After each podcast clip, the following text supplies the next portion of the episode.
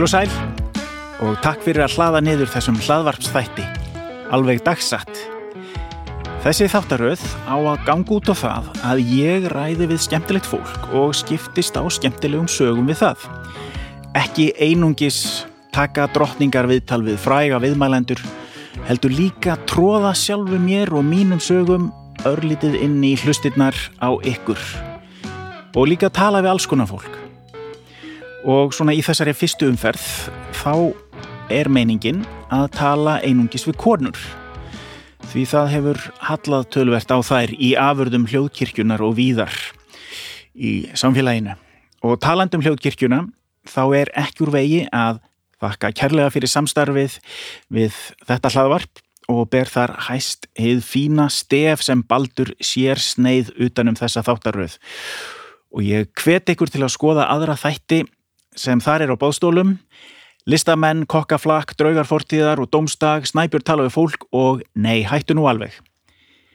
Og ef þið viljið styðja við bakið á þáttunum, þá skulið þið fara á Kaffi Rosenberg og byggja um tjakka kaffi því án þessara stuðningsaðila þá hefðu þið aldrei fengið þessa fínu þætti alveg dagsagt í ykkar eiru.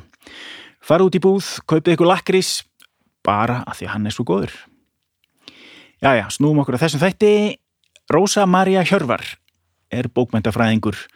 Hún er viðmælindi þessa þáttar en hún bjó stóran hluta æfisinnar í Kaupanhöfn og hún á nokkrar stórgóðar sögur úr þeirri borg og segir okkur hér hvernig hún raskjælti nokkra dani í keilubiljörð og komst í hann krappa í þrumuveðri og fleira og fleira.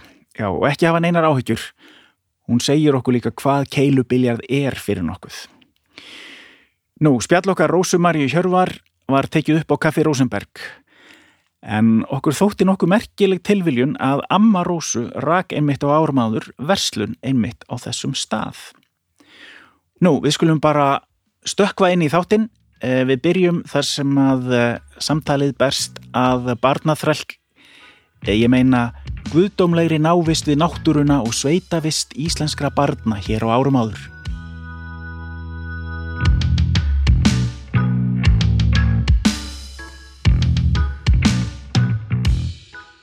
Fólk er ekkit sendt í sveit lengur. Nei, fórst þú í sveit? Já, já, Ég líka. já. Fegstu að kæra traktorinn en það varstu látin passa börn og, og ræra gröta? Ég fekk að sækja kýrnar í Svarfaðadalum uh, en svo var ég líka fyrir norðan hjá Torfa frænda. Þar, þar var bara hörku púl sko. Ég fekk ekki, það var, frændu minn var á traktornum og við vorum tvær yngri frængurnar að reyna að lifta böggunum upp á Þetta var alveg alvöru. Já. Vakin upp um miðjanótt að því eitthvað eitthvað, já, hestarnir voru stungnir af einhverju hestar eða eitthvað og dreiftum þannig þjóðveg og svo segir Torfi bara, svo bara sveiflaru höndunum rosa ef, ef stóðið kemur Og hvað varstu gömul? Ég verið bara tíu ára eða eitthvað ég var ekki hvað var galt, þetta var mikið ævintýri Já. það var alltaf mikið stuð ná möðruvöllum Já, það er nú bara aðal búið. já, já, Já. það var ekkert og kindur og en það var rosa gaman og allt þetta með kissurnar í fjósinu og, Já, og svona sveita sælt ég, ég nefnilega hef líka búið á möðruvöllum. nú, Ekki lengi samt, en það, það, það voru samt einhverju mánuðir. Þá var skotið skjólshúsi yfir fóreldra mína og mig. Það var 1973 held ég, ok. Svolítið langt síðan. svolítið land síðan. Og þá voru vantalega aðrir ábúendur, þetta var tilraunabú, já, landbúnaðarins, eitthvað svona. já, og fóreldra mínir höfðu tekið að sér að gerast kennarar á heimavistaskólanum sem er þarna skamt frá. Já. Sem þá var heimavistaskóli og, eh, og hérna þá var verið að byggja uh, svona nýja álmu við skólan og þar var, voru kennara íbúðirnar og þær voru ekki alveg tilbúnar þegar þau mættu. Þannig að þá uh, byggum við þarna hjá, hjá uh, Eggerti bónda. Já, og ég man að ég var klættur samkvæmt nýjustu tísku 1973 ég var með svo sítt hára ég var yðurlega kallaður stelpa og ég var í svona klossum, það var í tísku þá og að vera skaklappast á, á sko klossum hérna fimm ára, eh, sex ára já, já, það var opnum klossu sem voru reyndar voru þeir lokaðir þeir voru svona eins og, þetta var bara eins og Pelle er óbrenn ég var e, e, þetta, þetta voru lokaðir klossar, þetta voru svona eins og hollenskir bátar mest því bara ekki, ekki, ekki mjó á því táin. Og ég man það var danskur fjósamaður sem ég náttúrulega skildi ekki orð af því sem hann sagði. En ég var laðaðist að, fór í fjósi því laðaðist að dýrónum Já, en ég hafði aldrei komið í fjós áður og, og rann á rassin beint í flórin og hann dró mig svona upp. Ég gleymi þessu aldrei, nýðurlængin var algjör. Ég var allir út í kúk og hann gaf mér bláan ópal já, ok. danski fjósamæðurinn Smá klóroform Já. til þess að bæta já, Já, já, já. Nei, ég man mamma og pappi þú segir þetta, þau voru alltaf í svona opnum klossum þegar maður var lítill. já, Og þetta var eins og þetta var ekkert annað hægt að vera í. Þetta lítur að hafa verið svakalega óþægilegt. já sko, sérstaklega í sko þegar klaka bungaðir svellbungaðir á, á gangstjættinni hérna eru allsveðandi, þetta er náttúrulega bara styrlað sko. Þetta eru bara mestalegi inni skor og svo einhvern veginn hamrar, búm, búm, þetta, lítur að, þetta var rosalega svona skó, skótau, mjög sérstækt, ég var steingleima þessu. reyndar, þetta, þetta er nú alveg förðu þægilegt en þetta var bara tískan bara útvíðar buksur og Já. þetta já, já, Ég fann einmitt einu sinni nýri kjallara hana á æsku heimilinu mínu þá fann ég svona ljósbláan satín galla, ótrúlega flottan með svona útvíðum já, þarna ermum og þarna útvíða buksur alveg sko ljósblá, hann var svona baby blue og svona reymdur að niður og ég hljópi upp til mömmu og spurði hvort ég mætti eiga hann. Og hún sagði, þú verður bara að spurja um pappa en hann á þetta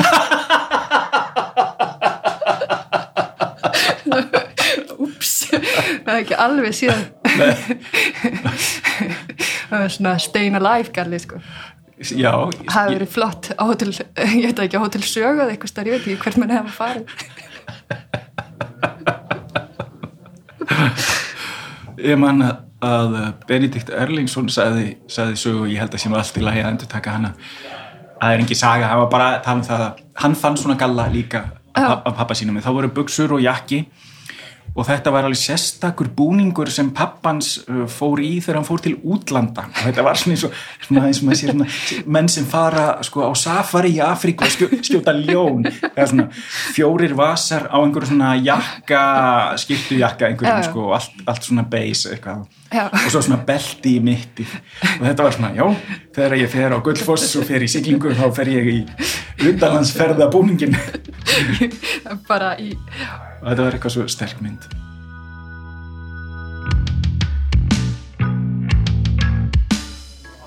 Eh, að sko kynslaðan undan okkur það er bara já eh, það var svo mikil harka það var bara súslátur öll mál og, og, og rektur máur ef maður var heppin og eitthvað svona Já. og ömmur og afar voru sko það ennþá erfiðari sögur bara ég mann sagði langa með hvað ég greta gleði ég fekk stígvél og það var þú veist já, ofalega á 19. öld og, og ég svona stend sjálfa með því að vera svolítið í, þessum gýr líka við són minn eitthvað, já ég var sendur í sveit og það var nú bara harkan sex og það var ekkert hérna Netflix eða þú veist eitthvað svona sko. Hvernig verður þetta í framtíðinni? Þú meina, já, einmitt. þetta, þetta er þróun. Við áttum alveg æðislegt, við vorum eitthvað síðan í hátegismat með fyrirvændi kærastu minn Dani, við vorum með fjölskyldans og hann og pappa hans voru mjög niðursoknir í, það var að koma einhver nýr tölvuleikur sem þeir spiluðu saman. Og þá segir amman að ég ég skil nú bara ekkert í ykkur. Þegar ég var lítil þá áttum við áttum við prek og stein. Og annarkvort leikum við okkur að að kasta prekin í steinin eða steininum í prekið og það þótti nú alveg nokkuð gott. Og það var bara umræðinu bara lokið og það mátti ekki tala um þetta frekar. Ilna, hún var æðisleg. Og svo einhvern veginn einmitt þú veist, ég er verið minna Rosenberg og ég er að horfa hérna, við leikum okkur í grunninum þegar var verið að gera eina heilsugæsluna og hjúkrarheimilið sem er hérna fyrir ofan. Já. það alltaf þegar litu af þá vorum við að stelast, við vorum alls konar leini niður í sko kjallaranum, í, í bílagemslunni Já, það var verið að steipa eitthvað svona, það fylgta drastliðan eftir okkur, við skildum eftir alls konar fjársjóða, svo, svo var allt í henni búið að steipa yfir, sem við þannig og við vorum svona, og við fengum bara sko, hvað eru, ég er fætt 80 og við það var engin frístund sko eða allavega vissum nei, ekki af því. nei, nei, nei, og það var engin svona leikjanámskeitt það ég muni eftir. Nei. við fórum eitthvað reyndið eitthvað smá í píano og eitthvað smá í fimmleika en svo var það of dýrt eða gerðist eitthvað, það var alltaf verðbólka Já, og maður var bara alveg sjálfur einhvern veginn á vjesinast hérna já, hafa ofan fyrir sér. Já, Ég var sko, ég leik mér í helliskúta í rauninu í Hafnafyrði, bara þar fann ég bara helli sem var bara svona eins, eins og bara auka herbergi Já, ok. já, það bara gæti geimt út og eina, já. Já, við vorum alls konar svona staði. Reyndar einu sinni vorum við þótt okkur svona, við vorum búin að finna alveg æðislegt, við ætlum að gera við höfum örgulega pikkað upp alls konar hluti sem fullan fólki hefur að tala um, sko, við ætlum að gera náttúrufræði saman Já, það er alltaf verið talað um að vanta. Ég er ekki vissum að við erum meðvitað um það. Nei. en ég og vinkurum mín allan ákvaðum að drífa í þessu, fórum niður í fjörin niður að granda. Söfnuðum alveg bara öllu sem okkur fannst nerkilegt og innréttuðu svo kjallara herbyrgi og ránagötunni sem náttúrufræði söfn. Og svo kom mamminar heim og bara býti hvar funduðu þetta? Og það var það bara það sem okkur að yfirsíast var náttúrulega bara klóaki sko, sem var bara oh, 30 cm manna frá. Svo við vorum, þessu var allir hend og við vorum settar í bað það var ekki alveg það var ekki farið að selja aðgang? Nei, þetta var ekki, þetta var ekki bylting í safna menning á Íslandi. Nei, en núna er maður bara rosa gladur að krakkarnir fara út. Þau eru reynda mjög duglega sko. En maður er einhvern veginn, það er svo margt sem gaman sem maður hægt að gera í þú veist, já, á skjánum. Já það er það sko, það náttúrulega má ekki, ekki vannmeta það heldur. Nei, nei, alls ekki sko. ég, ég var einmitt að tala við bóndan sem ég var í sveit hjá í, í fyrra. Og eh, og, og uh, það var sem sagt verið að ræða það að, að, að svona minn færi líka í, í smá heimsókn á, á þennan sveitabæ í Skagafyrði og, uh, og ég, ég var eitthvað svona að segja já hann er náttúrulega sko hann hefur ekki sömu tilneyingu og ég til að sko hoppa upp á traktorinn og, og, og, og, sko, ekki jafn olmur í það að fá að keira mm. eins og var aðal áhuga máli hjá mér þegar ég var 14 ára og þá sagði bóndin já, já, já, já hann er bara góður í einhverju öðru og bara var mjög svona, viðsýtn á þetta fannst mér og, Já. Og uh, ég tók þetta svolítið til mig bara já, þetta er alveg gott Jón, þetta er rétt ég meina það er ekkit að því að tefla á skjá eða, nei, nei, eða fara í einhverja fantasíuleiki eða hvernig sem það er sko, en það er náttúrulega allt er best í hófi líka sko. Já, já, það var náttúrulega líka bara fullt af krökkum sem urður rosa illa úti í þessu, þú veist, að það var ekkert fylgst með okkur. Já. Því að svo bara þegar úlingsárin komu þá þá urðu hætturnar svo miklar, sko. Það já, ég meina hallærisplanið já, ef við að tala eitthvað um það grjótaþorpið, þessi krókudílamenjan út um allt og, geðskallar allstaðar. já, Þú veist, og það þótti einhvern veginn bara sjálfsagt að maður ætti sjálfur að passa sig á þeim og, og alls konar kjaftaði sem, sem fylgdi þessu frjálsræði, sko, sem Já. margir bara kláruðu þessu ekkert á. Nei. Það er ekkert nei sem er ekkert gott Nei, nei, maður var svona, heyrið talað um fólk á okkar aldri sem var að þefa af lími og hlemmi og svona, meina að þetta er og ég meina að drikja er, er, er bara ekki til þannig ekki sama mæli og þegar Nei. ég var unglingur sko. Nei, nei, og líka hvað fullandi fólki var alltaf að óta að mér, það finnst það svo fyndi að hugsa hugsa aftur, og kannski sérstaklega þetta er alveg upp í Danmörku, það, bara, það, var, það var ekki eins mikið grúpupressa frá vinahóknum og það var frá fullandi fólki, Já. bara um leið og maður náði fermingu, það var bara Já, ertu byrjuð að drekka, hvernig ætla að byrja að drekka? Hvað, viltu ekki fá, viltu ekki fá hálft rauðvísglas hérna er nú smá bjór handi ykkur krakkanum og eitthvað, það var eins og það var bara svona sjúkleg þörf hjá fullorðum einstaklingum að íta menn út, úr, út í svona einhverja áfengisneislu já, ég held sko, ég man nákvæmlega eftir þessu. Eh, þessi 68 kynslu þegar þau, voru svo upptekin af frelsinu og, og að hérna að börnum þeirra er, er ekki hérna fyrir þau voru svona full áhuga um að, að maður er því frjáls einstaklingur í, í frakka að reykja pípu bara 16 ára sko. Já, það alveg.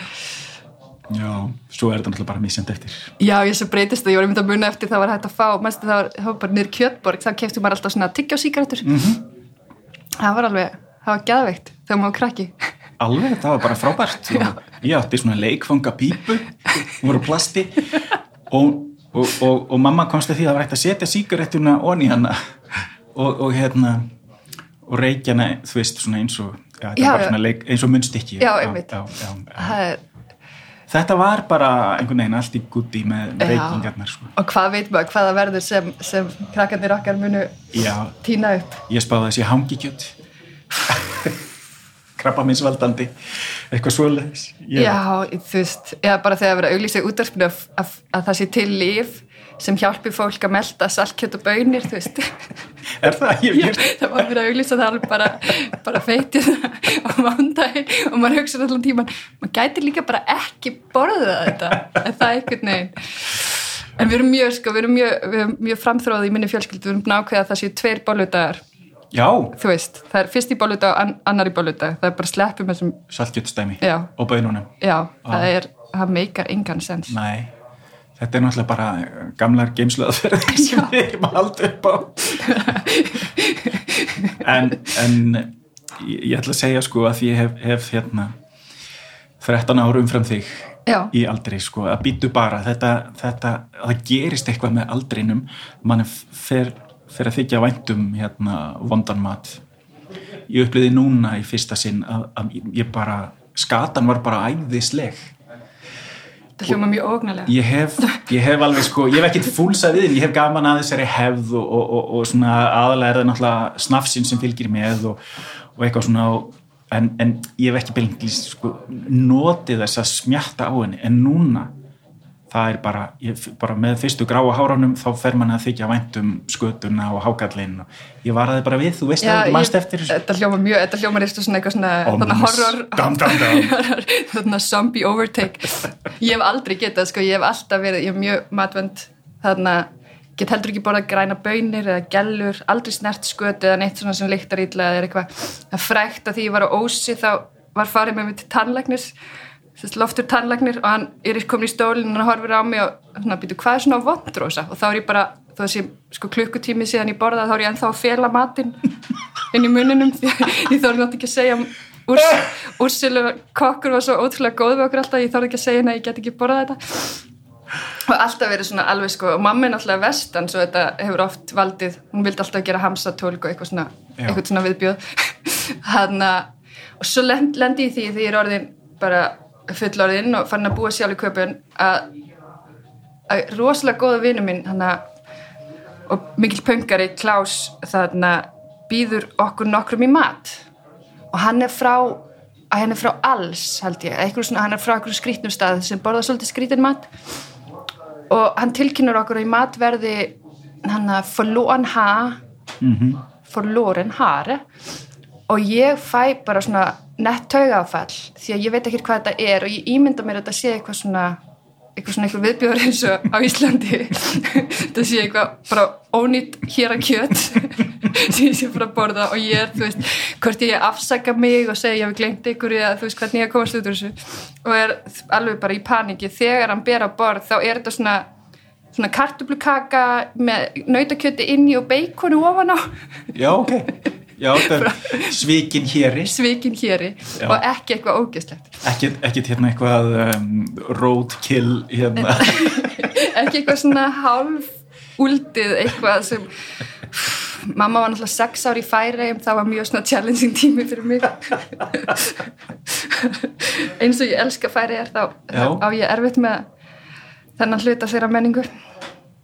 Sko það er þeir eru verri en við að mörgu leiti er það ekki með þetta? Bara fær ekki að klárast sko. það, það, það er ennþá einhvern veginn að gerjast sumt af þessu, þó Já. ég mun ekki alveg hvað þetta heitir. Þetta er skerpukjöt og, og hitt rastakjöt. Þetta er, en það getur verið mjög góð lykt að því sem er fyndið.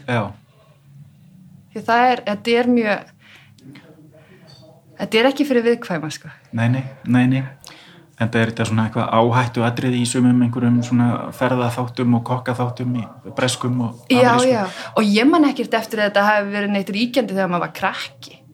Þú veist, eitthvað svona pabbi átti stundum hákall en annars man ég ekki eftir að fólk hafi verið hóp, að hópast að borða skötu eða eitthvað svona. Nei, nei, í hérna á Bretlandsegjum þar sem að ég- ég lærði og var, var svolítið lengi það, þar tók ég eftir því að salgæti var, var svona ofalega í, í minningabankanum þegar fólk fór að hérna, rifja upp einhverja barnæsku þá fór að, að, að hérna, rifja upp hitt og þetta nammið.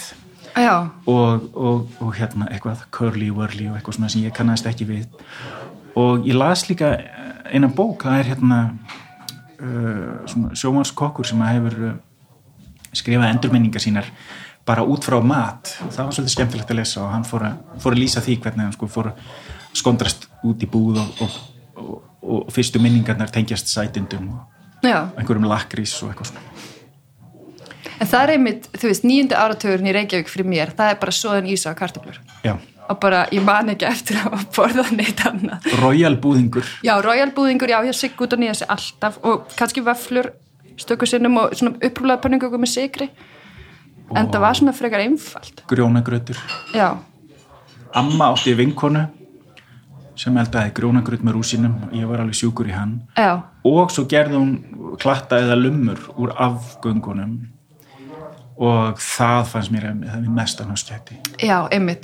Ég fekk það þarna, tengdamóður bröður mín, hún gerði það eitthvað kvöldi fyrir þegar hún var að passa hjá hann og ég var eitthvað skottastar og fekk ég var eitthvað tíðan tvítugt og bara, bara bestu lumur sem ég borðað og alveg hendi mér nokkrum og fór svo á kaffibarinn og spáði ekkert í því fyrir henni miðnætti að það var bara, það gerðist ekkert sko. ég fann ekki ég var búin að styrti mig bjóri eins og maður bara gerði maður, og, þarna, og það bara, það, ég fann aldrei á mér það var bara lummur það bara bara tóku bara allt svo bara gafst ég upp þetta. svo lítið ég að orðið full um nóttina í safni sko, þegar loksins Já. fór eitthvað að stað sko. en þetta er, þetta er trikk að maður vil já, halda út, hal, já, halda út greinilega Na, massívar lumur. Massífa lummur ég hef ekki heyrt það ég, en ég man að var talað um sko að maður ætti að borða svona emitt uh, uh, saltfisk með nóðmur eða eitthvað, eitthvað svona feitmeti já, að drekka rjóma. Jó, það ok var til þess að hjúpa þetta var. Sem maður gæti tekið að því sko, sem maður myndi ekki það var eitthvað svona kallmennsku en núna er þetta svo dýrt að hérna maður bara þakka fyrir að vera hænuhaus ég man eins og eftir ég var að ganga niður Vesturbrugötu og þetta var eitthvað rétt fyrir hróaskildu hátíða eitthvað. Það koma fötexana, hann að matvörubúð og koma tveir íslenski strákar út með bjórkassa á milli sín og annar þeir að lesa reikningin og svona svo stoppar hann bara hinn og segir, heyrðu Siggi, þetta kostaði bara svona svona. Sjáðu, og svo horfður hvað hann hefur maður ná í annan? Og þau vantaði ekkert endilega annan sko. en af því að það kostiði svona lítið þá var maður að kaupa tvo. Já, sko uh, það er ekkit ríki í Danmörku þetta er bara selt út í já, búð matvöru, matvörubúð. Já, það er bara bjór alls staðar. og og, hvað, hvað varstu lengi í Danmörku? Hvað, á hvað aldrei varstu? Frá ég var 11 ára og þangar til ég var 30 já, þú ert bara Dani. Já, Já. lilbítsmúl það er leys já. saknaru einhvers? Já, já, alveg fullt sko, ég er náttúrulega vini mínir og svona. En ég líka, þú veist sem Dani þá, þá met ég þess mikið hvað Reykjavík er effektív borg sko, gott að búa þarna og redda. Já, og bara, þú veist, einfall líf og uh, ég var einmitt að heyra viðtal við eitthvað sem var að koma heim frá bandaríkjánum, hann var alveg gáttaður, það var búið að græja allt fyrir hátíð á mánudegi, já, þú veist, allar skráningar, allt svolítið. Þegar maður er náttúrulega, þetta er svona, ekki það að maður er að búa eitthvað starf að það séu alltaf skrá sig. það er bara mjög þægilegt að búa í Íslandi, það er virkilega, og sérstaklega, að ég flutti bara heim því að mér tókst aldrei að festa Dana og ég var hvort ég kom með íslenska mann. Og þegar barnið var komið þá bara, já, þá var Reykjavík svo miklu betri kostur já. En við byggum við byggum á Nansinskötu í miðri kaupmanöf á sjöttu hæð sko, eða sjöttu og hálfri hæð eiginlega með styrtu niður í kjallara. Með styrtu niður í kjallara? Já, svo sérstaklega svona sömurinn þegar maður búin að fara niður í styrtu og koma upp aftur þá maður alveg sama stað þegar maður byrjaði. Algjörlega bara. Það er rosalega skemmtilega gata sko en það er það er kannski skemmtilega að hafa, hafa baðið í, já, í á, á hæðum, stað. já, það er það er, það er alveg ágætis já, já, það er bara ákveðin, ákveðin Ákveðin forréttindi. sko það ég hugsa oft um það að að ég hef búið uh, í London og uh, í Barcelona og uh, og víðar og, og- komið víða við Mm. og ég kann vel að meta sturtuna hér á Íslandi. Það er, það er bara ég skil ekki hvað það er með breska pípulagningamenn en uh, það verðist aldrei verið hægt að, að ná upp neinum vassþrýstingi á, á þessum blessuð eigum nei ég notaði í íbúðinu minni í köpun, þá notaði ég bara sko, það sem ég bjó á tíumbíla, notaði ég bara heitavaskran Já, þú veist, maður notaði aldrei kaldavatn. Nei. Og svo að einhverjum tíumbúti það var að nóg heitt til að fara undir. Já.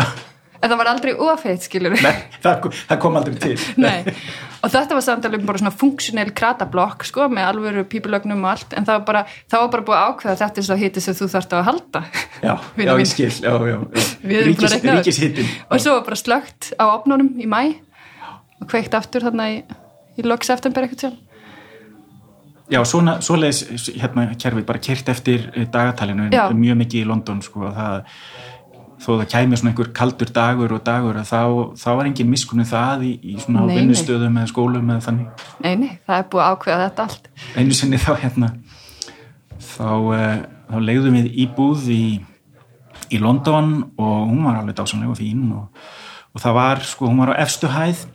Þannig að við höfðum aðgangast svona smá háalofti. Já, og, og, og við erum tiltölulega ný, við fluttum þannig inn og þetta var, það var komin eitthvað fyrsti oktober eitthvað slist, þá fluttum við inn held ég.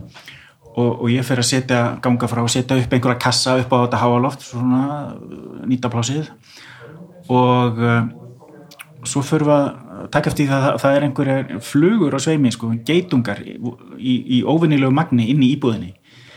Og uh, ég er svo sem er ekkit, ekkit hrættur við það á þannig en þetta er náttúrulega, maður vil náttúrulega síður hafa þetta upp í, upp í rúmi hjá sér og svo fer ég upp á loft og með vasaljós og þá sé ég að það er að svolítið margar flugur þar líka, eiginlega bara ennþá fleiri.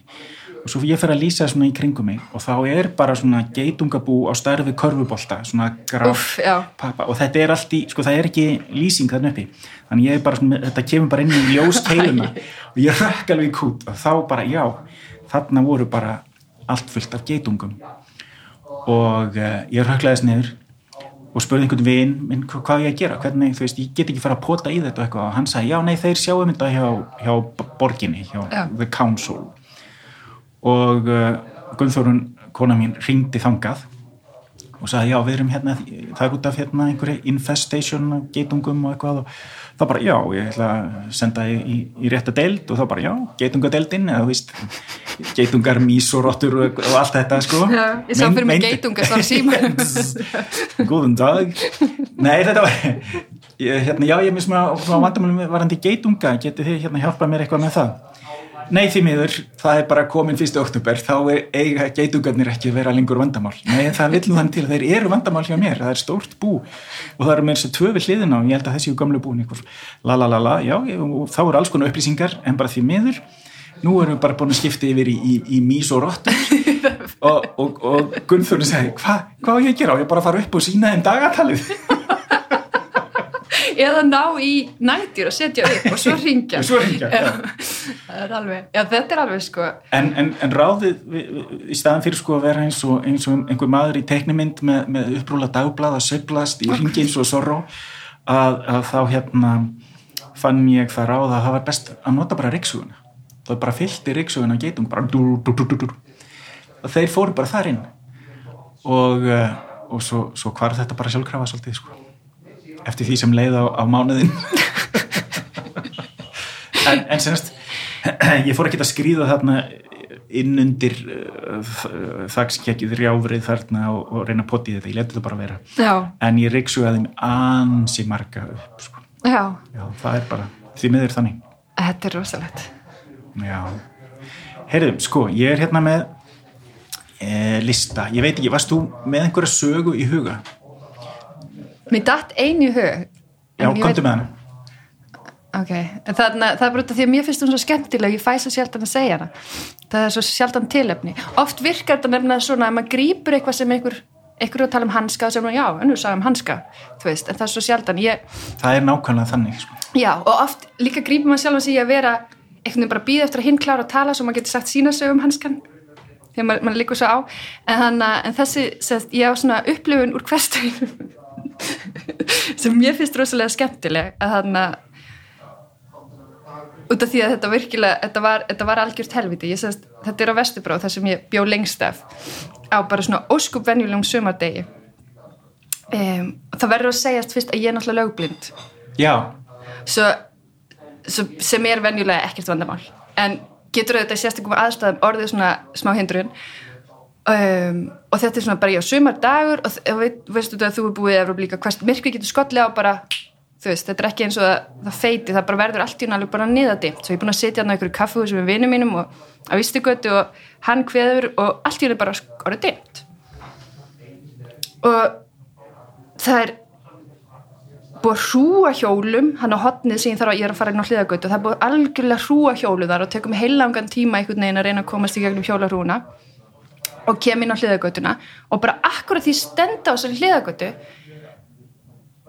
þá lístunir eldingu einhver staðar og rafmagni fer. Svo ég semst ég stödd í algjör niðamirkri þannig að það byrjar að hellir regna bak við mér er þessi þetta bjarg af hjólum sem ég veit ekki hvernig ég á rætt gegnum. Og fyrir frá mig er bara svört gatan sem öðru hverju lýsir svona upp af eldingum, bara eins og í bíómynd. Og þá sé ég það sem ég var búin að gleyma að það er búið að grafa alla götuna í sundur. Það verður að skipta um lagnir í allri götunni. Svo ég þarna um, ég sé glitta í ljósa vesturgötu og sé rafmagnir ekki farið þar. Svo ég ákveði samt að, fara þessu götu. Þetta er hérna Valdimarskata, hún er ekki mjög laung en, en varstu byrjuð að missa sjónina þarna? já, ég var, ég var sá miklu verið en ég vildi halda, ég var ekki byrjuð að nota hvítarstaf svo ég var ekki með það, svo ég var bara hana e, síðast að svona brýr sem farir eins og brýmyndaði vegavinnu það er bara svona Já, já. lagnir hérna svo bara, og þetta er náttúrulega kaupanahöf svo til þess að koma svona lagnarkerfi það er náttúrulega met, margir metra niður. Svo ég byrja bara í eldglæringunum að finna brýrnar. Og lokum er ég eiginlega sko bara farin að skrýða því að á einhverjum tíampunkti þá finnst mér ég finna fyrir nærveru eitthvað svona Ú, og það verður sjúklega spúkið, þú veist, að sé eitthvað að það sem sé samt ekki að gefa sig fram í þessu niðamirkri, svo ég ætla bara ekkert að vera þarna mjög lengri, lengi. Svo ég bara byrjaði að skrýða og það er bara rigning og drull og ég og svo kem ég út á Vesturbrókgötu og akkurat í því svona um það bil þá bara kveikna ljósin og það er bara fólk að versla og að lappa á kaffehúsum og ég kem bara eins og út úr Indiana Jones mynd og get bara engan veginn útskýrt hvað gerðist.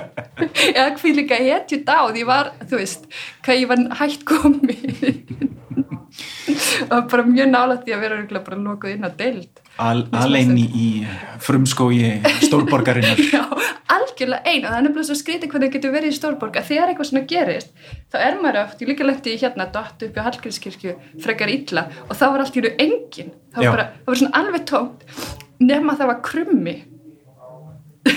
Ég gæti ekki staðið upp ég snýr upp á öklar á mér sko. Ég lá og það krummi sem hoppa alltaf svona nær og nær ef, þú- skildir ekki hafa það af þá verður þetta kannski gómsættur byrti Já, bara, þú veist, fyrir augnabliki síðan var þetta bara lifandi hverfi og nú er þetta bara ég hálf njöskuð og þessi hrafnarinn að geta mig. þetta er Ingimar Bergmann mynd Já, ég finn það. er, svo, ótrúlega, mér finnst það styrla hvað, hvað raunveruleikin getur breyst og bara, já, hvað rafmagn er mikilvægt. já, ég var einu sem stættur sko, ég, ég held, þetta var aðeins algengara þegar, þegar ég var ungur að rafmagni fór og það var bara svona veist, það allir áttu bara lagir af kertum og, og, Já, já, og batteríum og eitthvað svona og þetta var bara svolítið kósi stemning jafnvel, sko, þannig. Einhvern veginn á slögt og hversteginum í smá stund.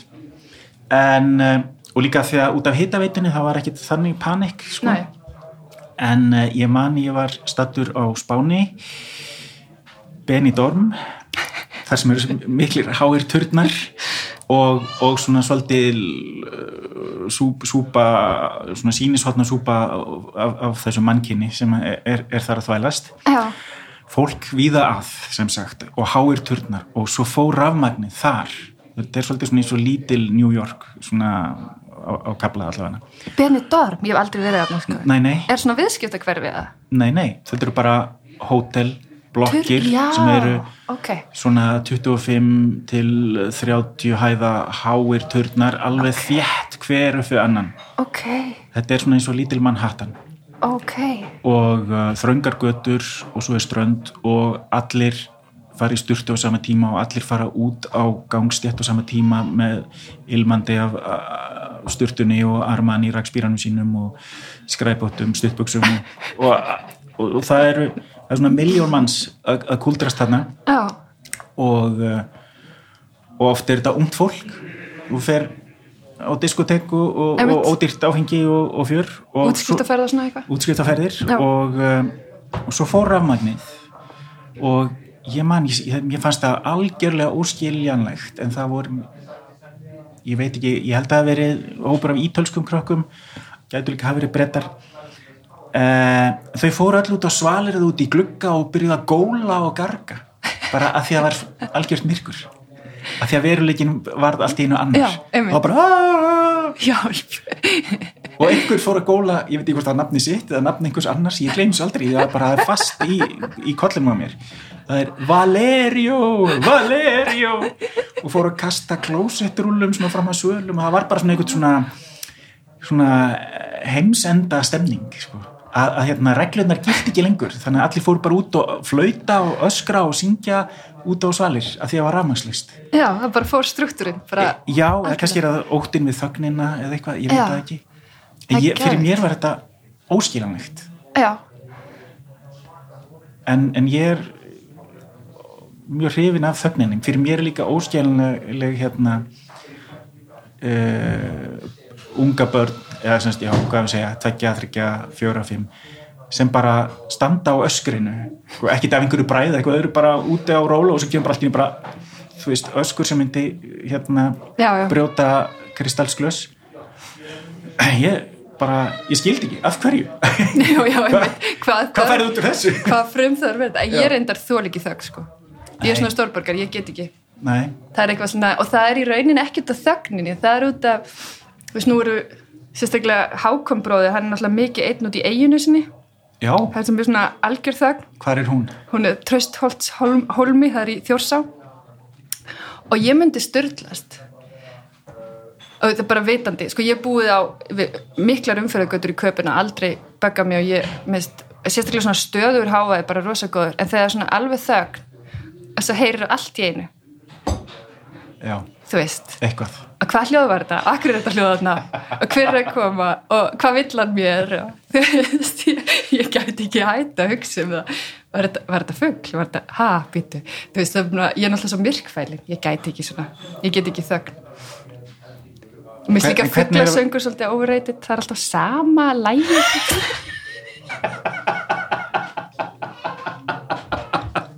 einhvern veginn Fuglasöngur er overrated um, þú veist, þúsundir ára framþróun og samt er þetta alltaf sama stefið einhvern veginn ég, ertu viss? Hvernig? Ég eða allavega þeir sem fyrir þetta gluggar hjá mér á óðinskutunni, þetta er voðalega keimlíkt.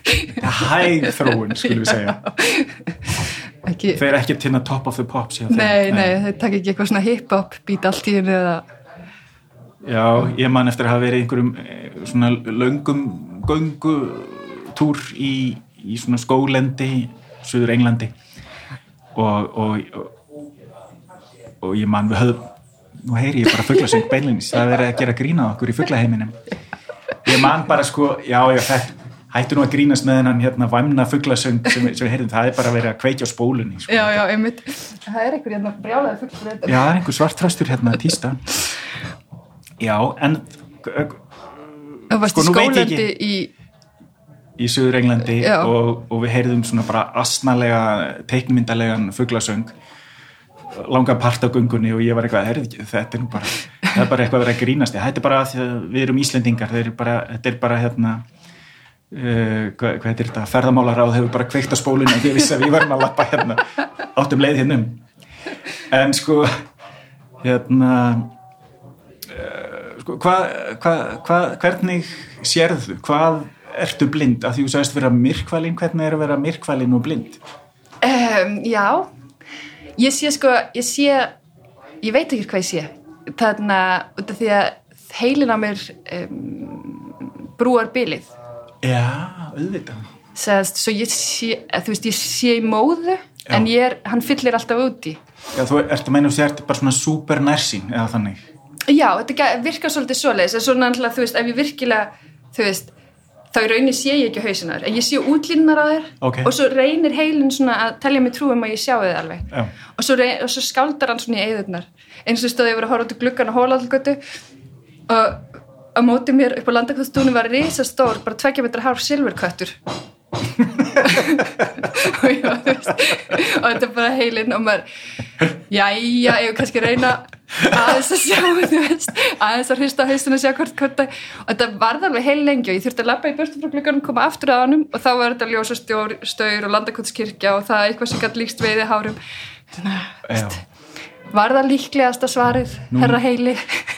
Fara beint í silfurkött Nú mun ég bara að hugsa um, um, um hérna, þess landakotskirkju sem silfurkött. já, en uh, fólk er náttúrulega alltaf fallegt til dæmis. Ég ætla að segja það, er þá ekki allir hérna super myndalegir? jú, það er allir svona réttir og vinkonum mínar hafa oft komið hlaupandi sko að mér. Og eina á þannig mismöndi skemmtustöðum og sagt hann er ekki sætur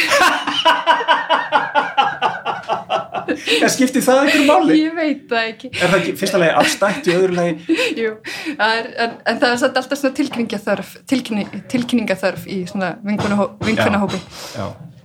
hann að Jú, jú, en sko ég veit ekki, ég er nefnilega mjög spennt einhvern tíðan langar mig til að kafa meira á hann í þessa myrkfælni Já. Eða ég er svona með fáum fullorðum sem ég þekki sem viðurkenni það alveg bara Já. að ég sjúklega myrkfælin og ég tala við ímsa um þetta eins og sálfræðinga og slis að það var erfitt, að þú veist ekki að þetta sé þannig knýjandi vandamál en bara sem er áhugavert sko Mjög. þú veist, akkur er maður myrkfælin Já. og hvað er, er þetta ímyndunaraflið er þetta eitthvað svona frum skinnfæri að þú veist, hvað er í gangi og það er búið að lítið einhvern veginn sem menn vita um þetta Er almenn skinn sem ekki segja þér þetta er bara sama herbergið og ég var í fyrir Einmitt. Ég man hann að því ég var lítil þá var ég svo sætt við að allir, eða mjög margir þekki þetta með að setja öklan eða þú veist fæturnar út fyrir rúmstokkin Já, að það myndi þarna einhver grípið þig. Ekki grípa. Og þarna af öllum þá spurði Sjón mig einu sinni hver væri undir rúminu? Því hann var svona tilbúin í að fara í hennar leik. Og segja ok Rósa hver, hver heldur þú sér sé undir rúminu? Og það, og það bara kom að bræða það var í krokodíl og það meikar náttúrulega fullkomi sen skilur við Þeir eru flatir. Þið eru flatir og langir. Og getur glefsað. Svo þetta er svona algjör rökhugsun sem er samt bínu off. Já, ég ég er eh, ekki myrkvælin það hefur aldrei verið það, bara Nei, aldrei, ég man ekki eftir því. Ekki svona flýttur upp úr kjallara svona með einhverja óþægunda tilfinningu svona snúa baki myrkur. Nei, ég, mér finnst þetta bara spennandi rými. Mér, Ok. ég er alveg heillar af þessu. Þú varst að tala um, ég veit ekki hvort ég var að byrja að taka upp, þú varst að tala um að þú hefði verið í í, í uh, leik, leikhúsum Já, einmitt. og leiksýningum. Ég man að ég var unglingur og pappi leikstýrði í MH skóla sýningunni. Já, og uh, ég fór með. Mér finnst þetta rosalega spennandi. Og ég hafði fengið hjólaskauta í jólagjöf. Og uh, það var ekki búið að malbygga mjög mikið þarna í, í, í útkverju í Hafnafyrði þannig að þarna var kjörið tæki fyrir að fá að nota hjólaskautana og ég s- súmmaði um gangana á MH já, á meðan að þau voru að æfa á, kvöld, á kvöldin, eitthvað, tvisveri viku eða eitthvað, einu sinni í viku, ég man það ekki. Og um, og, og svo náttúrulega eins og ég sagði áðan að þá hérna þá voru þau að kenna á heimavæstaskóla út í sveit, sko, út á landi. Já, þetta var náttúrulega skólinn var yfirleitt fullur af, af lífi og börnum en, en þau fóru heim um helgar. Og það að vafra um í yfirgegnum stóru húsnæði finnst mér æðislegt. Það er bara skemmtilegsta sem ég veit. Oh. og, og, og myrkur bara hræði mikið En myrkur getur verið rosalega notalegt alveg samlega eins og leikhúsmyrkur, það er alveg geðveikt sko. Aha. og það er verið að segja sögur og svona varðeldar og alls konar svoleiðis en það er þetta það er ekki, það er svona líka sem þetta er svo interessant sko, þetta er ekki, þetta er ekki þannig rökrétt. Svo bara allt í einu kemur eitthvað? er bara er ykkur inn í skápnum? Það er ekki inn í skápnum. Það er ekki og alveg sko og fullan á eina ben náttúrulega. Já, hann bara, hann þurft, hann þurft að sitja yfir honum. Líkrættur nei, já, Já. draugrættur já, já. Og náttúrulega út af því að það var náttúrulega kona á eftir kona á honum. eftir honum. En, en það þurft að sitja og það er pabbi sagði mér frá mörgum sem þurft að sitja yfir sko því að þeir gáttu bara já, störtlast á myrkfælni. Ímyndaðir í í, í sko, já, rafmagsleysi eða eins og pabbi var að segja þegar hann var krakki upp á skeljabrekku. Þú veist að fara út í fjós í algjöru niðamyrkri. Þannig að hann var í sveit þar. Og allt í nú horfa alla kýrnar á eitt punkt en það er ekki stanna alveg sko. Já, ég, Já. Fyrir, fyrir mér er þetta bara þægilegt sko, en, en ég, ég ég kveikt á þessu sem þú sagðir með hérna stórborgarniðin já, að uh, það, það er líka þægilegt. Uh, uh, hoppandi líf og fjör og sjúkrabílar og lestar og, og, og svona já, mannlífið. hljóð mannlífið að það það finnst mér frábært, svolítið eins og það sem við heyrum í bakgrunnin hérna núna. Já, og uh, ég man að þegar við komum heim frá útlöndum eftir áratug að þá hérna legðum við íbúð bara við landspítalan nánast á Mímisvegi.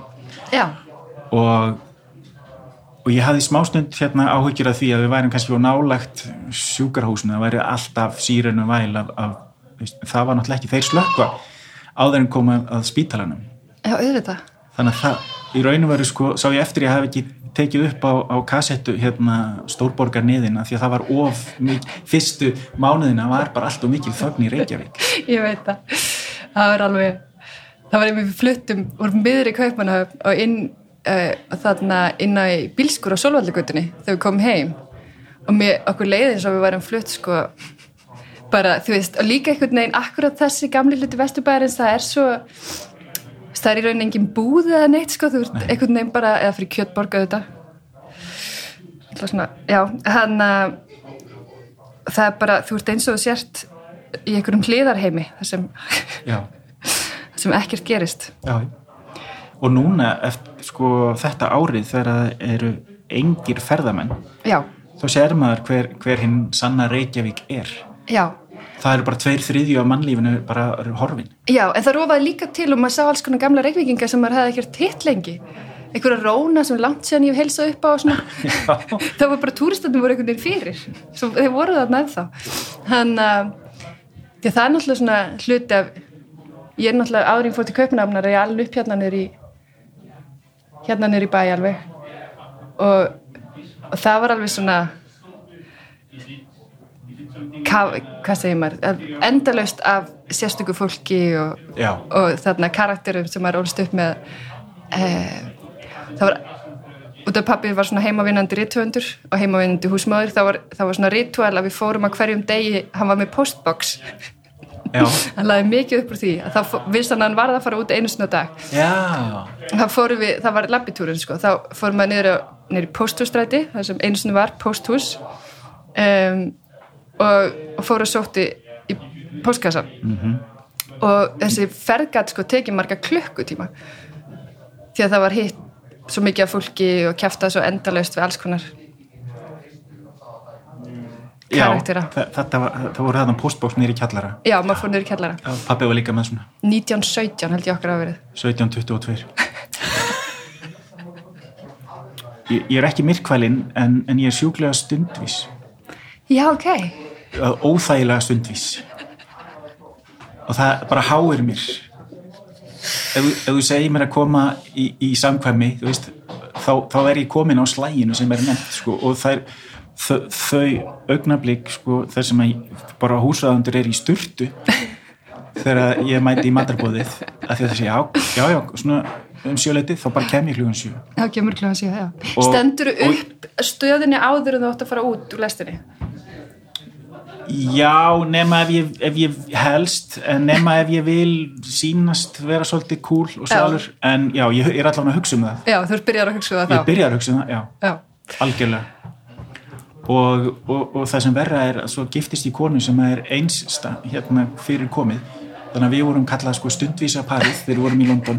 Og London er stór borg og það tekur aldrei minna en klukkutíma að komast frá A til B Nei, nánast, sko nefnum þú sért bara að fara inn í næstu götu eða eitthvað. Já, en ef þú þarft að nota eitthvað transporttæki þá tekur þetta yfirleitt bílunum þrjú kortir til klukkutíma kortir og, og fólkið svona í okkar kreðsum voru mikið til oft hérna leiklistarnemar eða eitthvað listafólk og, og þegar þau buðu í mat og parti og eitthvað þá vorum við alltaf fyrst. Alltaf fyrst. Og það var bara að fara að gera grína þessu sko. Og einhver tíman þá er hérna er svona bóð og uh, það var hjá, hjá fólki sko sem við þekktum. Þau voru sko, þau leigðu saman hús. Þannig að við, við vorum sko átt- áttum hérna uh, vinkonu, Ágústa skúladóttir leikstjóri, já, hún leigði með stelpu frá Ástralíu stelpu frá Þýskalandi og, og strák frá ég man ekki hvað, Ítalíu. Og þau heldur svona húsveislu, húsparti já, og þannig að sko sum þeirra voru kannski ekki hérna vinir okkar strax en þau verið það síðar þannig að þetta var svona partí. Og, og við vorum búin að mæta nokkur sinnum í, yfir veturinn í, í partí þarna og svo var var fyrir að gera grína því að við værum alltaf fyrst. Þannig að í eitt skipti þá segi ég við Gunnþórunni sko stopp, ekki núna, ég ætla ekki að vera fyrstur í partí, ég ætla, ætlum koma bara fashionably late, við ætlum bara að koma of seint. Já, þau sögðu að væri matur klukkan sjö. Og við skulum koma svona halva átta bara til að hérna, vera ekki alltaf asnalega fólki sko, sem að situr og hummar og har á meðan að fólki sem að heldur bóðið er ennþá að strauja skýrtuna sína sko, D'Artagnan blúsuna og, og þetta allt saman. Og svo hérna þannig að við en, til þess að til þess að vera samt sko alveg örugum að vera ekki hérna eitthvað asnalega segna þá, þá, þá vorum við, við vorum á réttum tíma en við fórum bara á pöppin og, og byðum af okkur, við vorum komin á réttum tíma, en við fórum bara ekki alveg og ringdum bjöllinni og hérna, svo þegar við komum þá er allir voða fúlir. Þá í fyrsta skipti í sögunni þá var einhver, einhver voðalega spes matur eitthvað súfle sem að sko já. enga byð og allir aðrir voru hérna píndir til að koma tímanlega. En þau þurfti ekki að hafa neina áhyggjur okkur því við vorum alltaf á réttum tíma nema þetta eina skipti. Og það var allir með mjög súrar mínur þegar við komum bara hvað er að ykkur við sögðu klukkan sjö. Og við bara já, allt í lægi það maður á ekki að breyta út af sínum nei, nei, nei, nei, nei, það er alveg en en við heldum massa parti hjá vinkonum minni í, sem var, var reyndar ekki með mér í mentaskóla en við vorum svona vorum svona hópur fólk sem tók samfélagsmál mjög alvarlega þarna og vorum í mörgum mismunandi mentaskólum kaupanöfn og hún held alveg æðislega parti og það var svona metnar hjá henni og bróður hennar að semst, halda stór parti þegar fóreldrar hennar fór til útlanda þau fóru mikið til útlanda, hann er fræðimæður pappinar lofslagsmálum og, og svo ná að taka alveg til sko. Svo það uppgötaðist ekki, Aha. þetta var alltaf í leifisleysi en mammenar fattaði það alltaf. Og þetta var alveg orðið óþólandi við vorum farin að fara yfir bara með sko bara, bara liggja í gólfanum og finna bara það var hver blómapáttur og réttum stað og þetta var orðið svona keppni. En hún mamma hennar náði alltaf. Og svo hvað, hvað var það? já, svo þegar eh, þannig að Kristína átti trítusamæli þá sagði hún, jæja að ég segja ykkur krakka hvernig, hvernig ég fór að ég vita alltaf að þið vorum um partí? Ég taldi klósetrúlur já, árið ég fór. Já. Það notar enginn svona margar klósetpappisrúlur nei, e- ekki einmanniski eða tvær já.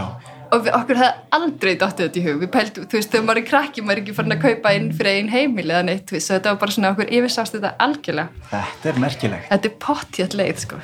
ég ætla, ég ætla að leggja þetta á minni já, ég er líka búin að lofa mér því en svo er maður örgulega búin að gleyma þessu. Já, ég veit það ekki. Ég, en bannað að segja krökkunum frá þessu. Já, ekki segja ekki segja frá hérna. Þetta er fullónis Já. ég, ég man eftir einhverju söguð sko, hún- þetta er ekki frá mér en ég man sko með, eh, með áfengi að, að hérna krakkar voru að stelast í, í, í vínbyrðir Ma, maður þurfti ekki mikið þegar maður nei, og einhver, einhver sagði að tók eftir því að, að pappin strikaði í miðan á flöskunni á viskiflöskunni eða hvað það var sko, hvar, hvar borðið yfirborðið er þegar hann skilur við hana og þá sér hann ef það lækkar í flöskunni sko. en, eh, en svo var eitt faðir sem að sko ger, gerði aðeins betur. Hann, hann gerði lítið strik sko bara aftan í skápin sko ekki flöskuna sjálfa. Og maður tekur ekki eftir einhverju litlu striki þar. Þannig að það var svolítið sníki en uh, ég man nú ekki eftir að hafa verið eitthvað að stelast svona sjálfur sko þannig að ég væri eitthvað að spá í þetta. En, uh, en ég, ég, ég man alltaf ég ætlaði alltaf að hérna, passa mig á þessu sko, að láta ekki nappa mig með, með, þessu, með því. En um, hvað var það meira? Já, það var oft partí ég held oft partí. Það var náttúrulega miðsvæðis og svona og, og, og, og með leifi þá og... Já, já, það var alltaf leifi og það var alltaf, já, já, já, já. Ég þurfti aldrei að sko laumast með það en ég þurfti að laumast með alls konar hvað ég segja, óhöpp ég vona fóldrar mínu sé ekki að hlusta á þetta núna. Til dæmis þá brotnaði eins og í sófi.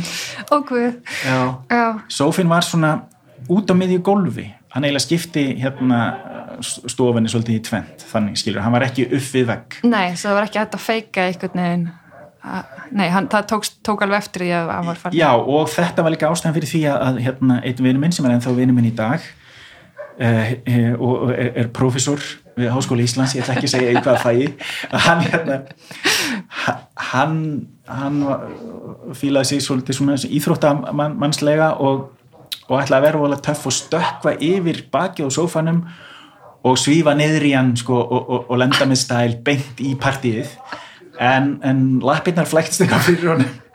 Þannig að hann kom meira svona eins og, eins og hann væri að fara á handarhlaupum inn í, í, í partíið og endaði sko með því að- að stinga annar löppinni milli sófapullana og, og brjóta botnin á sófanum. Hann stóð bara með sófan einhvern veginn um, um öklan og uh, ég var að viðkjöna það ég bara, og maður sá það það bara seg niður sófin Já.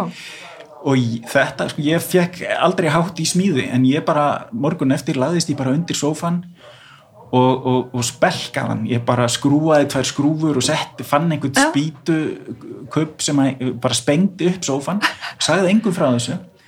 En, en vandamálið var að ég, var með aðeins svo langa skrúfur hún fór upp í sófapöluna sem ripnaði og fór svona að snjóa úr henni með árunum sko, að, Já, ok, hérna, það var ekki að mann stakk sér ekki á henni nei, nei, nei, var það gerist það. ekki. Og svo, svo manni þegar fól, ég held að fólkið mín hafa verið að flytja þá komið bara, hva, hva, hvað er þetta? þá voru liðin sko tíu ára eða eitthvað.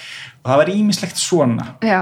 Og, og en, en þetta var timburhús og pappi var að mínu mati þá fannst mér hann alveg sjúklega og óþarflega eldhrættur en í dag þá bý ég í svipuðhúsi sjálfur og er alveg bara alveg eins og pappi bara já, hefur við um að passa kertin og eitthvað svona. Já, þarna var náttúrulega sko allir reykjandi bara út um allt. Upp í rúmi sko Já. nánast, eða einhver hlutu vegna var það talið hérna slæmt, þú veist- veist líklegri til að kveiki sjálfum þeir, þú veist, allavega hana unglingarnir voru reykjandi út um allt og einhver tíman er pappi sko, eins og þessi kona sem veist að lýsa frá Guðmannhöfn skrýðandi á eldurskólinu, það var svona gamall eldurstúkur með svona einhverju asnælega munstri. Og hann var alveg bara með stækkun að glera á einhverjum brúnum bletti sem að fjall alveg fullkomlega inn í munstrið hvað mig var það hann sagði, nei, þetta er brunablettur þegar hérna ég rullað síkara þetta og, og það hefði getað kveiknað í húsinu. Og ég var bara, já. Þá, þá hérna þá notaði ég eh, mann sem nú er látin sem, sem afsökun. Það var ljótt af mér en, en uh, hann var ekki látin þá og það var hérna, Þrándur Tórótsen sem var vinur fóruldra minna. Já. þýðandi hjá sjónvarpinu, kvikmyndagerðamaður Já, og um, hann uh, sko einu sinni þá kom hann og var bara með í unglingapartíinu. Hann var bara bankað upp á og bara var búin að fá sér aðeins og, og var bara skemmtilegur og svona rámarödd og svona saði sögur og það var allt í lagi. Og hann var bara að leita partíu og, og fann það og svo en hann reykti stóra og mikla vindla og dreifði vindla og skútum allt og eitthvað svona og, ég man að mamma og pappi voru eitthvað þau sem það að ég þurfti nú að ryksa þetta og það var fáraleg, ég sagði þetta var þrándur, hann reykir vindla, vini mínir reykir ekki vindla, já, já. Svo var pappi einhverju öðru partí skrýðandi þarna og skoða brunabletta, brunabletti og þá sagði, ég, já, það verið hann þrándur. ég veit ekki hvort hann trúði mér, en ég notaði þránd bara sem afsökun bara svona standard. Já, og Já. bara eins gott að pappi komst ekki að því að þrándur var í útlöndum eða eitthvað, sko. já, ég man nefnilega, það, tengist þessu húsi sko, þegar ég flutti til Danmörkur þá pappi var búin að ákveða eitthvað svona hann búin að taka eitthvað svona flip með að Súlkan mín, kaupmannahöfn er alltaf hættuleg fyrir hana, við verðum bara að flytja út í svona eitthvað skó. Og þá flyttum við út í eitthvað svona útkverfi sem var hryllingur Allt gert fyrir því allt gert fyrir mig. Og þangað til að ég sagði bara, vitið að mamma pappi, nú ætla ég að flytja til kaupmannahöfnar og pappi sagði, má ég koma með? Það var ræðilegst ára ég sagðist, áður en ég fór þá var ég sko nestu skóið af vinkonum mínum, meðal annars með að fara hérna, það var búið hérna í kjallarnum held ég. Hétt Sputnik Já, alveg rétt. Og maður kefti svona ripnar 501 Já, gallabusur þannig að nota þær, gæðveitt flottar. Og svo þarna lópapessu já, og svo var maður bara sítt ógreitt hár. Og svo mætti ég þarna í ballerup og þar voru allir í svona mínum ás þarna sokkabuxum og að fara út og, þjálfa fótbolta og vissu ekki hvað ég var. Það skildist bara í raun aldrei. Nei. Og það var svona, þetta var mjög og svo komið þessar vinir mamma og pappa mamma og pappi þau slóu náttúrulega aldrei grasið sem var mikið rætt þarna í götunni. Já, guð minn góður. Það var, það var það getur náttúrulega valdið skemmtum í heilu hverfi. Já, ef einhver er það er ekki að slá. misfella svona Já, Já, það er alveg. Hrikalegt. og, og fastegna verðið og svona. Og svo kom allt þetta skrýtna fólk þú veist, Í heimsó já. Sem verður óskup eðlilegt og gott fólk en í svona útkværa samhengi virtist alveg mjög furðulegt. Já.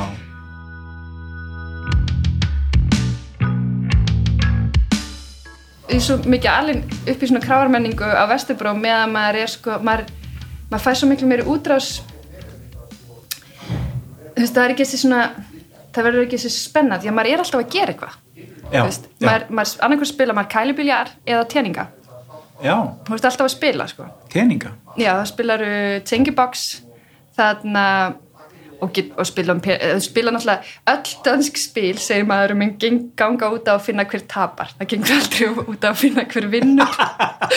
Svart, Svarti Pétur. Já, það er alltaf að reyna að finna hver tapar og sá alltaf að borga bjór. Þetta er bara, þetta er, er mjög einfælt það spilar bara teninga og þarna og, og spila kælibílja þess að það er með keilunar á, þarna, á púlborði. Já, og svona þetta svona gengur kvöldi sko, ég, ég svona, þú veist. Skittles. Já, einhverju svona rólindi þannig að og skemmtilega heitum. Já, já, og ég var orðið mjög fær sko þangað til síðast að fór sjónin ég hætti að sjá sko endan á púlkjöðunum. Já, og þá, þá er þetta eiginlega farið sko. Það var sjálf hætt.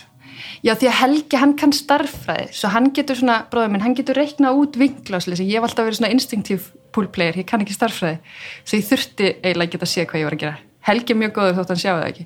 Í alvöru? Já, já, hann að og svo er ég, en þegar ég var semst ennþá uh, þá heyrði ég sögu af sjálfsrið mér.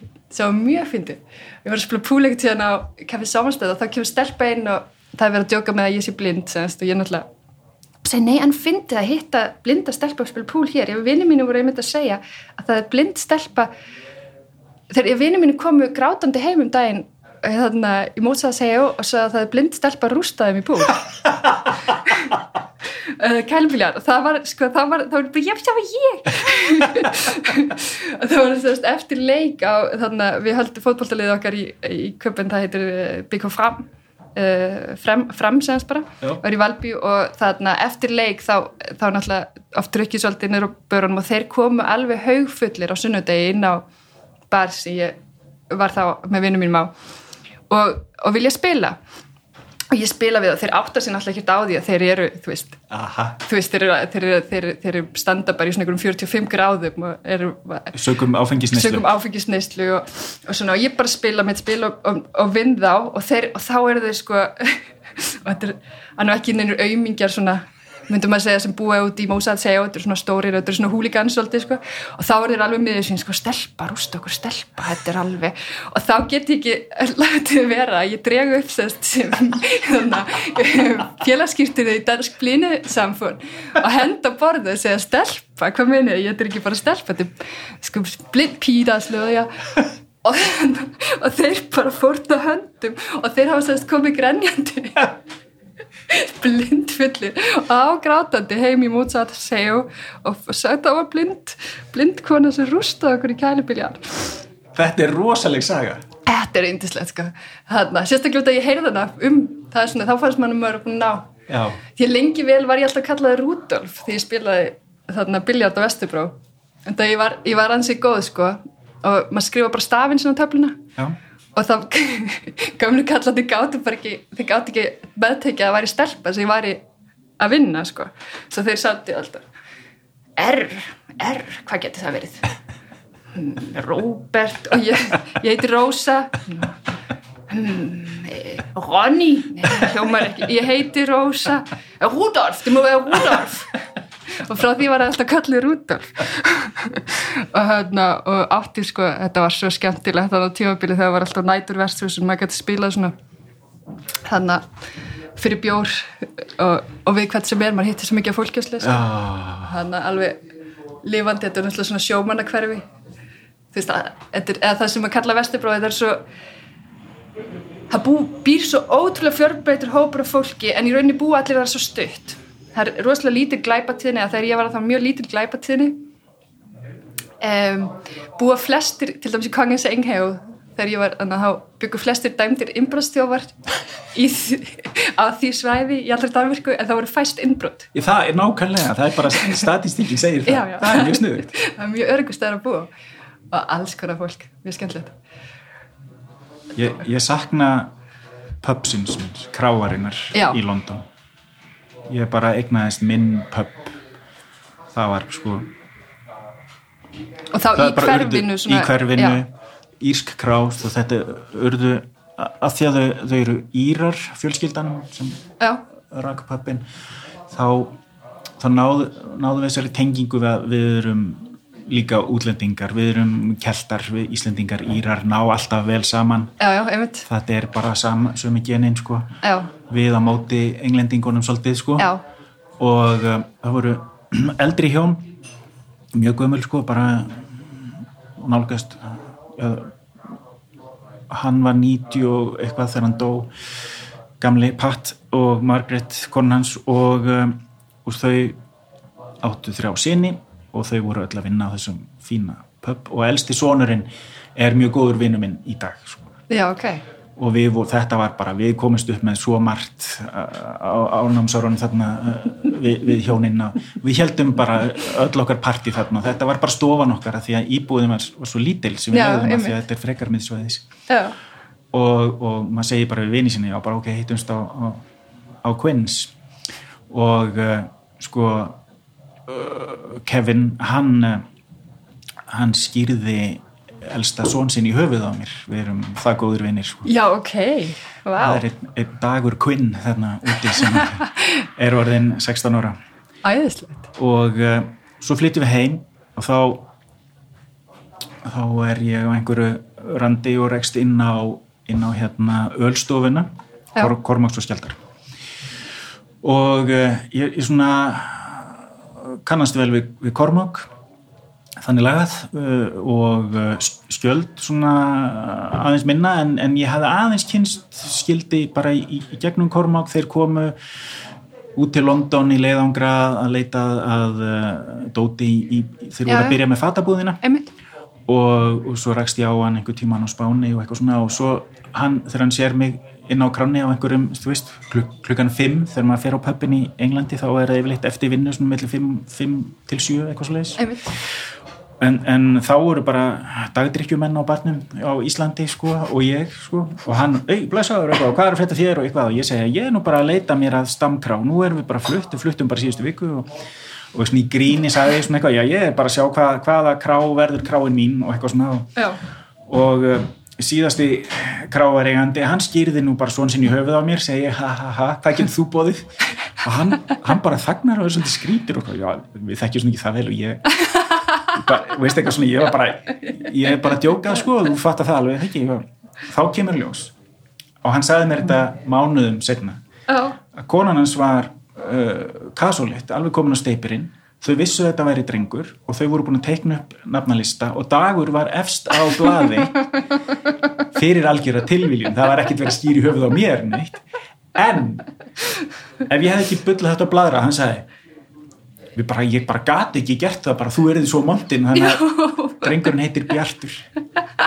Það er þér að kenna ef ég hefði haldið kæfti þá hefði ég getað sagt já það eru tveir kráareinundur búin að svona eins og Bjart Freðarsson búin að skýra í höfuð á mér. En uh, því miður þá náði ég því, þeim status ekki. Mjög gott. Já, já, Rósa, við erum búin að bylla í eh, klukkutíma og 40 mínútur. Já, hérna, já. Þannig að ég ætla að slá botnin í þennan þátt og þakka þér kærlega fyrir spjallið. Takk sem leis. og takk fyrir að færa mig aftur í tíman og aftur til Kaupmannhafna, það er mjög ánægilegt og ég ætla að, að þakka honum Dotta fyrir að, að leifa okkur að taka upp þetta skemmtilega hér, hér á Kaffi Rosenberg.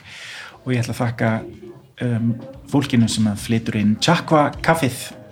Og ég ætla að hvetja hlustendur til að mæta á Kaffi Rosenberg og uh, berja í borðið og heimta að fá eitt bolla af Chakva